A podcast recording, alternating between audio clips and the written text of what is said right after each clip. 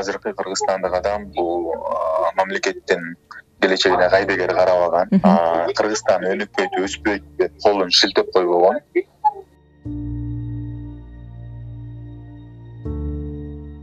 мисалы үчүн мурда фрунзеде атайын бишкекте мындай желдетүү үчүн атайын жолдор салынып каралып үйлөрдүн ортосундагы аралыктар ачык болсо азыр впритык бири бирине мындайча айтканда адам өтө албагандай бири бирине жармаштырып үйлөрдү салып атат да.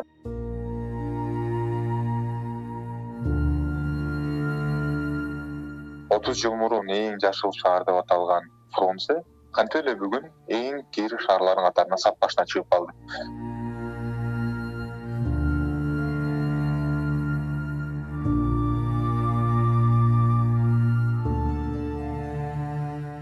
саламатсызбы? Угарман азыркы кыргызстандык подкастынын бүгүнкү каарманы илгиз шернияз илгиз шернияз жыйырма алты жашта кинорежиссер анын көк бөрү мергенчи тасмалары бир катар эл аралык жана жергиликтүү кинофестивалдарда айта кетсек синема камп рур холливуд венес оворд кыргызстан кыска метраждуу тасмалар өлкөсү кинофестивалдарында байгелүү сыйлыктарга ээ болгон мындан тышкары бир нече жергиликтүү жана эл аралык сынактардын катышуучусу жана лауреаты.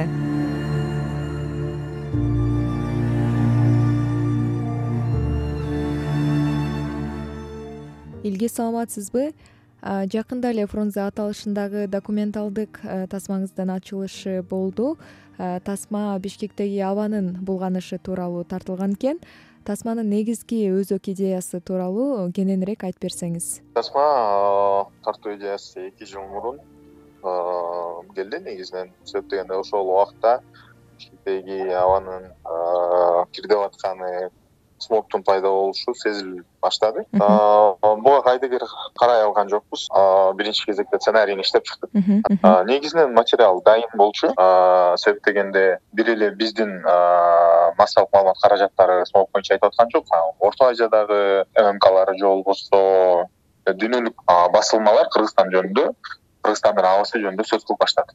Ошол боюнча биз фильмди тартып баштадык. Тартып баштаганда эң алгачкы биздин темабыз отуз жыл мурун эң жашыл шаар деп аталган фрунзе кантип эле бүгүн эң кири шаарлардын катарына сап башына чыгып калды?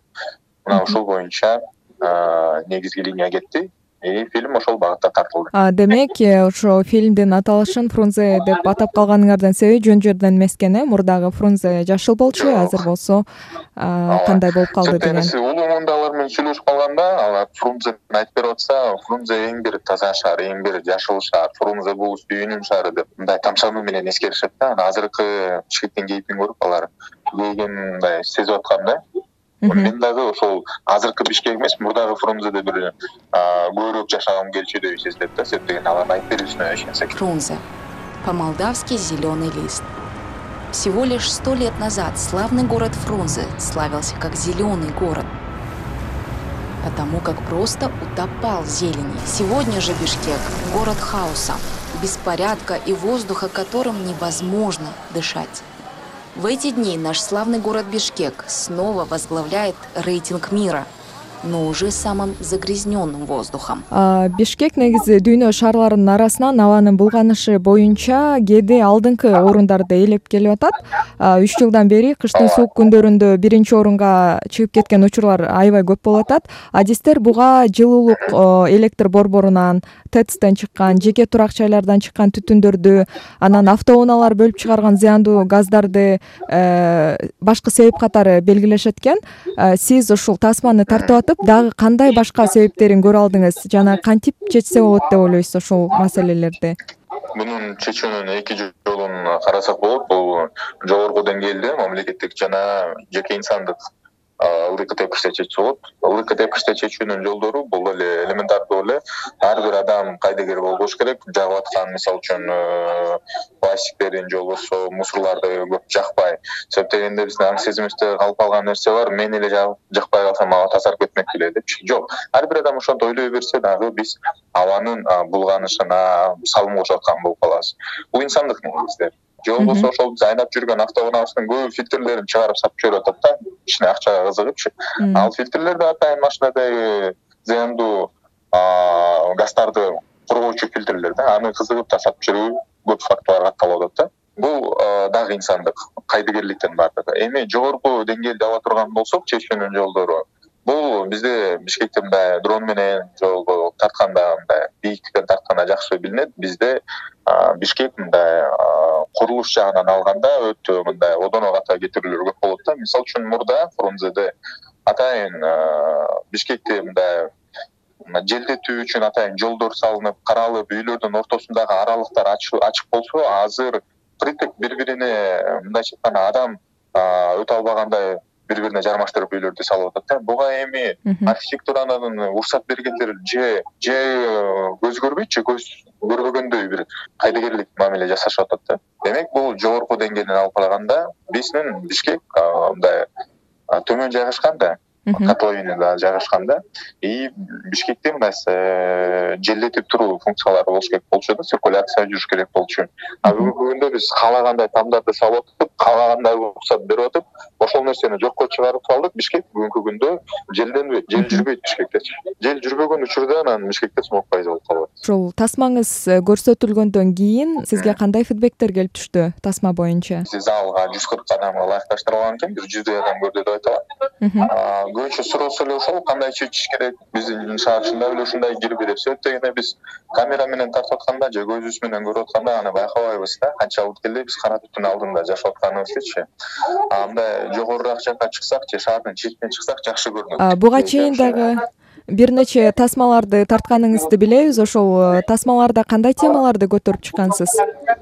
Чейин тарткан тасмаларыбыз эң алгачкысы бул мергенчи деп аталат кыргызчасы бул кыргызстандагы белгилүү сүрөтчүлөрдүн бири айып алакунов агайдын бир картинанын э, жаралуусу кандайча жаралат байланыштырып ачып бергенге аракет кылдык биринчи тасмабыз болчу бул студент кездеги тасмабыз эң сүйүнүчтүүсү мына бүгүн ошол айып алакунов агайдын көргөзмөсү париж шаарында көрсөтүлүп атат андан тышкары бул дипломдук ишибиз болчу эки миң он сегизинчи жылы тартылган көк бөрү тасмасы бул көк бөрү келип чыгышы эмне үчүн көк бөрү деп аталып калды?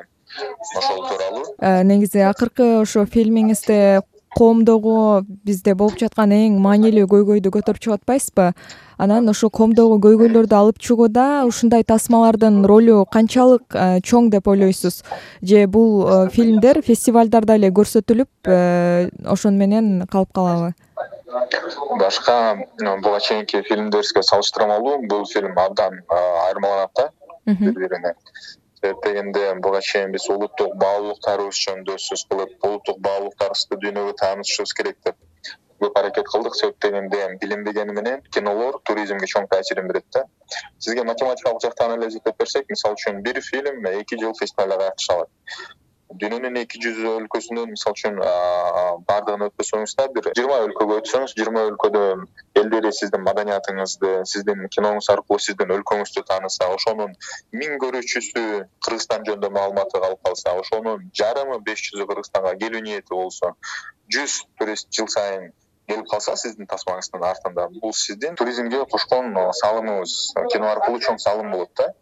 А бул фильм тескерисинче жөнүндө болуп атпайбы биздин көйгөйүбүз жөнүндө. Биринчи жолу биз соц баягы социалдык көйгөйгө кайрылдык да. Бул кыргызстандын ичинде калыш керек бирок кыргызстандын ичинде бул фильм көрсөтүлүшү керек.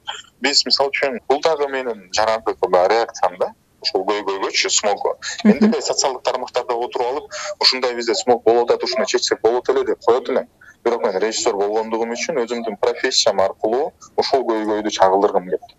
Менин жеке баамымда жеке пикиримде ар бир адам активист болуш керек. Бирок өзүнүн баягы профессиясы аркылуу өзүнүн кесиби аркылуу реакция жасаш керек да.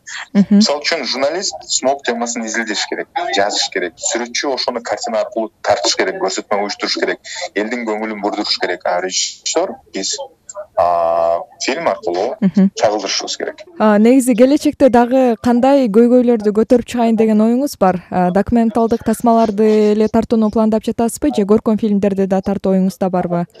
Мен негизи көркөм фильмге жакын экендигимди түшүндүм. Мен көбүнчө улуттук баалуулуктарды көтөрүп чыгуу ниетим бар себеп дегенде көйгөйгө кайрылган бул абдан оор жана анын баардыгы туура кабыл ала бербейт бирок смогтон мындай өтүп кете алган жокпуз да себеп дегенде бул күн сайын секунд сайын бизди курчап турган биз ошол аба менен дем алып атабыз биз бир жылда төрт ай бишкектин тургундары ошол аба менен дем алат буюрса мындан кийинки тартуучу улуу түнү деп аталат. Бул манас баягы эпосунун канчалык деңгээлде көнөмдүү канчалык деңгээлде сыйкырдуу мистикалык экендигин ошол манас айтуучулар да жөн жерден манас айтып калбайт да аян аркылуу айтышып атпайбы аян берилип атат. Ошол аян кантип берилет кантип манасчы болот? Ошол жөнүндө дүйнө элдерине ошол эпосубузду мындай таанытууга аракет кылам. Сценарий калп айтпасам төрт беш жылдан бери иштелип атат. Даяр болду. Эми тасмадан башка темалар тууралуу да сүйлөшө турган болсок сиздин оюңузда азыркы кыргызстандык кандай адам болуш керек азыркы кыргызстандык дегенде азыркы кыргызстандык адам бул мамлекеттин келечегине кайдыгер карабаган кыргызстан өнүкпөйт өспөйт деп колун шилтеп койбогон мамлекет мага эмне кылды дебестен мен мамлекетке эмне кылдым деген жана өзүнүн профессиясы аркылуу өзүнүн кесиби аркылуу колдон келишинче мамлекетке жардам берген кыргызстандык болуш үмүт өчпөш керек. Чоң рахмат ишиңизге ийгилик